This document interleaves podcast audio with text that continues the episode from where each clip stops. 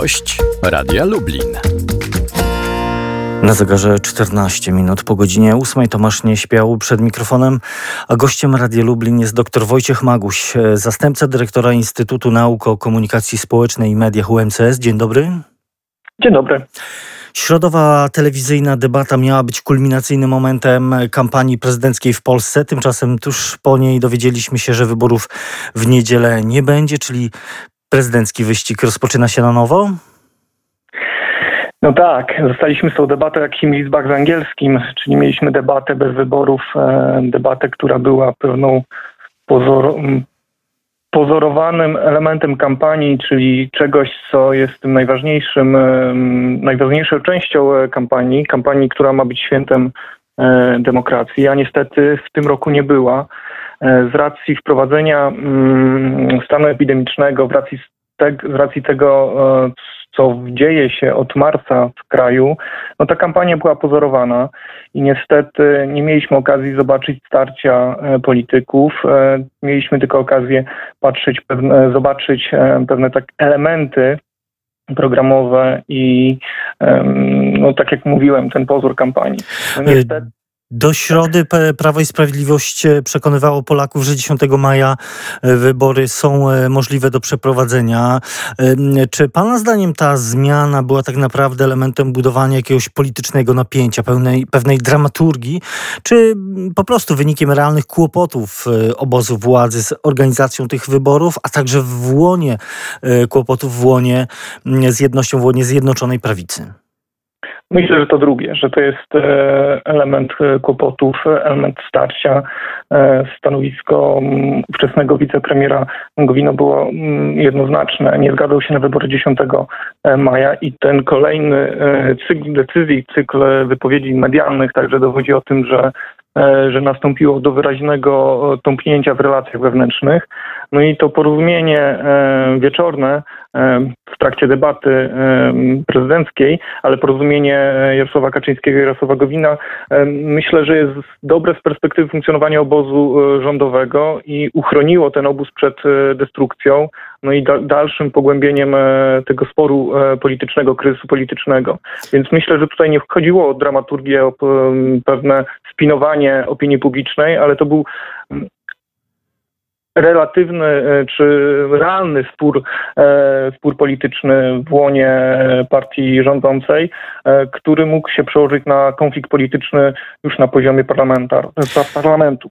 A jak e, ocenia pan e, doktor samą e, debatę? W komentarzach tych na gorąco po debacie można było usłyszeć, że była o dziwo merytoryczna, że każdy kandydat osiągnął to, co chciał. No poza barwnymi wypowiedziami Pawła Tanajno i Stanisława Żółtka oraz takimi delikatnymi, ja bym powiedział, uszczypliwościami między Andrzejem Dudą a Władysławem Kosiniakiem-Kamyszem. No, właściwie niewiele się poza tym w niej działo. To nie było takie polityczne starcie, które zapamiętamy na lat lata? No, no, nie było, bo wydaje mi się, że przez organizację tej debaty ona nie mogła e, spełnić swojej roli, jaką często debaty pełnią e, w kampanii wyborczej, czyli mm, wzmocnienia e, wizerunku pretendentów, czy też osoby, która broni tą swoją pozycję. Debata była tak ustawiona, by, by osoba, która broni swojej pozycji, czyli prezydent, nie miał możliwości być atakowanym. W sensie pozostali kandydaci nie mogli zadawać pytań, Oczywiście w trakcie swoich wystąpień e, podtrzypywali e, prezydenta, ale e, te możliwości organizacyjne były no, w jakiś sposób tak ułożone, że, że było to ograniczone. Także prowadzący debatę pilnował tej dyscypliny, tworząc pewną, pewnego rodzaju tarczę e, chroniącą prezydenta. Także e, część kandydatów, e, pan Tanajno e, zdradził kulisy przypięcia mikrofonów, które uniemożliwiły podchodzenie między sobą poszczególnych kandydatów do siebie. To było, myślę, próba obrony przed zabiegiem, który, nie wiem, czy pan redaktor pamięta, z 2015 roku, kiedy to ówczesny kandydat Andrzej Duda podszedł do prezydenta Komorowskiego i wręcz mu proporczyk Platformy Obywatelskiej. Myślę, że w trakcie tej, tej debaty była pewna osłona prezydenta. No i z tej perspektywy no, ta, ta, ta kandydata była pozorowana jak, jak, jak nie nudna w pewnym zakresie. Czy, czy możemy powiedzieć, który z kandydatów opozycji, bo to chyba jest dzisiaj najistotniejsze, w tej debacie zaprezentował się najlepiej? Ciężko mi wskazać jednego. Wyróżniłbym e, trzech kandydatów, którzy myślę, że wykorzystali tą szansę, jaką jest ekspozycja medialna. Myślę tutaj o Kosiniaku Kamyszu, o Bosaku i Hołowni. No, oni myślę, że dość dobrze e, zaprezentowali się opinii publicznej. No tutaj Bosak e, akcentując tą swoją absencję w telewizji publicznej pokazał, że jest kandydatem, że ma, ma, ma, swój, ma swoją propozycję. No oczywiście możemy także wskazać na tych kandydatów e, z mniejszym poparciem społecznym. E, pan Tanajno, który e, swoim, swoim barwnym językiem także pokazał, jestem, istnieje, kandyduję, no ale oczywiście bardziej chyba należy to postrzegać w kategoriach folkloru politycznego niż realnej szansy na zwycięstwo. Sytuacja jest taka, jak powiedziałem na początku, czyli ta debata jest tylko pewnym elementem wydłużającej się, jak się okazuje, kampanii. Czy to zamieszanie pomoże, czy zaszkodzi y, Andrzejowi Dudzie i PiSowi? No ostatnio y, Andrzej Duda znów wrócił do sondaży na poziomie 50%. Czy to wydłużenie kampanii o miesiąc, może dwa, y, może to zmienić? Znaczy pozycja sondażowa prezydenta jest bardzo dobra. Prezydent nadal jest liderem tego wyścigu, no ale cała sytuacja z wyborami, no, całą sytuację należy ocenić bardzo krytycznie. No, mamy bałagan prawny, bałagan legislacyjny, no i za ten bałagan ktoś odpowiada.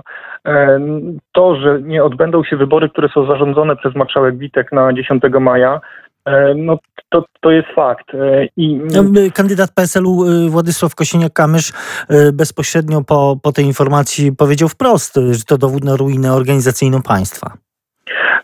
No, no, no, niestety, niestety i myślę, że tutaj powinniśmy e, dążyć do po, powszechnego konsensusu co do oceny tej sytuacji.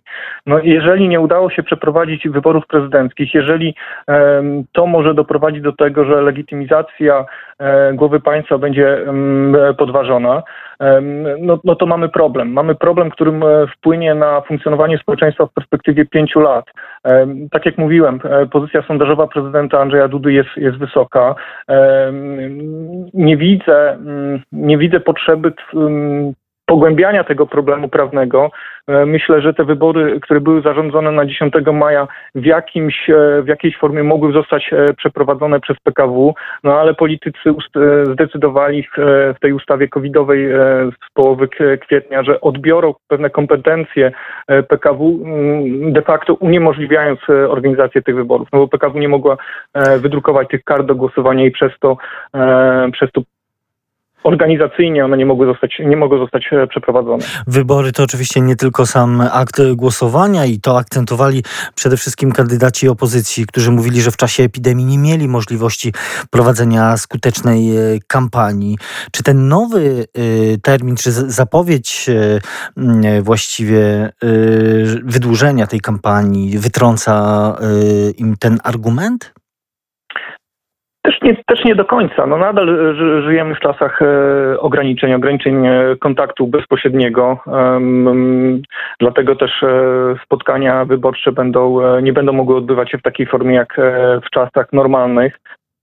Też e, mamy do czynienia z przewagą jednego e, z kandydatów, który oczywiście pełniąc tą swoją funkcję wykorzystuje ją e, w sposób no, taki oczywisty. Więc przedłużenie tych wyborów planowane na wyznaczenie tych nowych, nowego terminu planowane na, na, na początek lipca no, da możliwość tym kandydatom na przedstawienie jakiegoś, jakiejś swojej oferty programowej, no ale będzie to w ograniczonym, ograniczonej formie. No i nadal nie mamy gwarancji na przykład, czy samo samorządy, e, te związane y, w dużej mierze z y, opozycją e, dzisiejszą, które nie chciały przekazać spisu wyborców, zrobią to właśnie za kilka tygodni. No ale na jakiej podstawie miały przekazać te dokumenty? No, y, jest kwestia taka, że e, poprzez proces legislacyjny e, samorządy w zasadzie nie miały możliwości wywiązania się z tego zadania.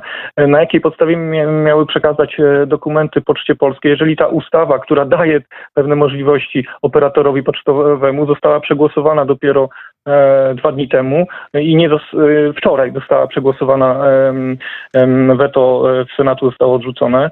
E, i jeszcze nie została podpisana, więc e, samorządy nie miały podstawy prawnej. W ogóle istniejemy w, w takim zagmatwaniu legislacyjnym, prawnym, e, że nie możemy teraz powiedzieć, czy te wybory, kiedy one się odbędą, na jakiej podstawie, na jakiej podstawie Sąd Najwyższy ma stwierdzić nieważność tych wyborów, które de facto się nie, nie odbędą. No tutaj no nie jesteśmy, niestety mamy taki bałagan, że myślę, że on będzie jeszcze nam towarzyszył przez długie, długie miesiące. Tych pytań oczywiście jest znacznie więcej. Jednym z tych pytań jest kandydat Platformy Obywatelskiej, całej Koalicji Obywatelskiej. Czy to ugrupowanie powinno rozważyć zmianę kandydata? Te ostatnie sondaże dla Małgorzaty Kidawy-Błońskiej no, są dramatycznie niskie. No wydaje, wydaje się, że jeżeli e, wybory zostaną zarządzone i nie będzie mowy o tych, e, o zachowaniu praw nabytych, co także e, pojawia się w wypowiedziach polityków, no to Platforma zdecyduje się na zmianę kandydata. No pani Kidawa-Błońska no pokazała, że nie jest tym fajterem politycznym. Ten spadek sondażowy to tego także dowodzi, więc jedyną racjonalną e, decyzją z perspektywy Platformy będzie podmiana kandydata. Tylko pytanie na jakiego, bo to także jest, e, trzeba pamiętać, ten e, krótki czas kolejnej kampanii. No, wszystko będzie zależało od tego, w ramach jakich granic prawnych będziemy tutaj, znajdziemy się w, w ramach jakich granic. No i wtedy można będzie podejmować jakieś decyzje z perspektywy poszczególnych partii, ugrupowań politycznych. No to naprawdę, kolejny raz podkreślam, jest sytuacja, e, no, ciężko sobie ją zracjonalizować, wyobrazić, że do czegoś takiego e, doprowadzili. I mówił to dr Wojciech Maguś, zastępca dyrektora Instytutu Nauk o Komunikacji Społecznej i Mediach UMCS. Bardzo dziękuję za rozmowę. Dziękuję bardzo. Tomasz Nieśpiał, do usłyszenia.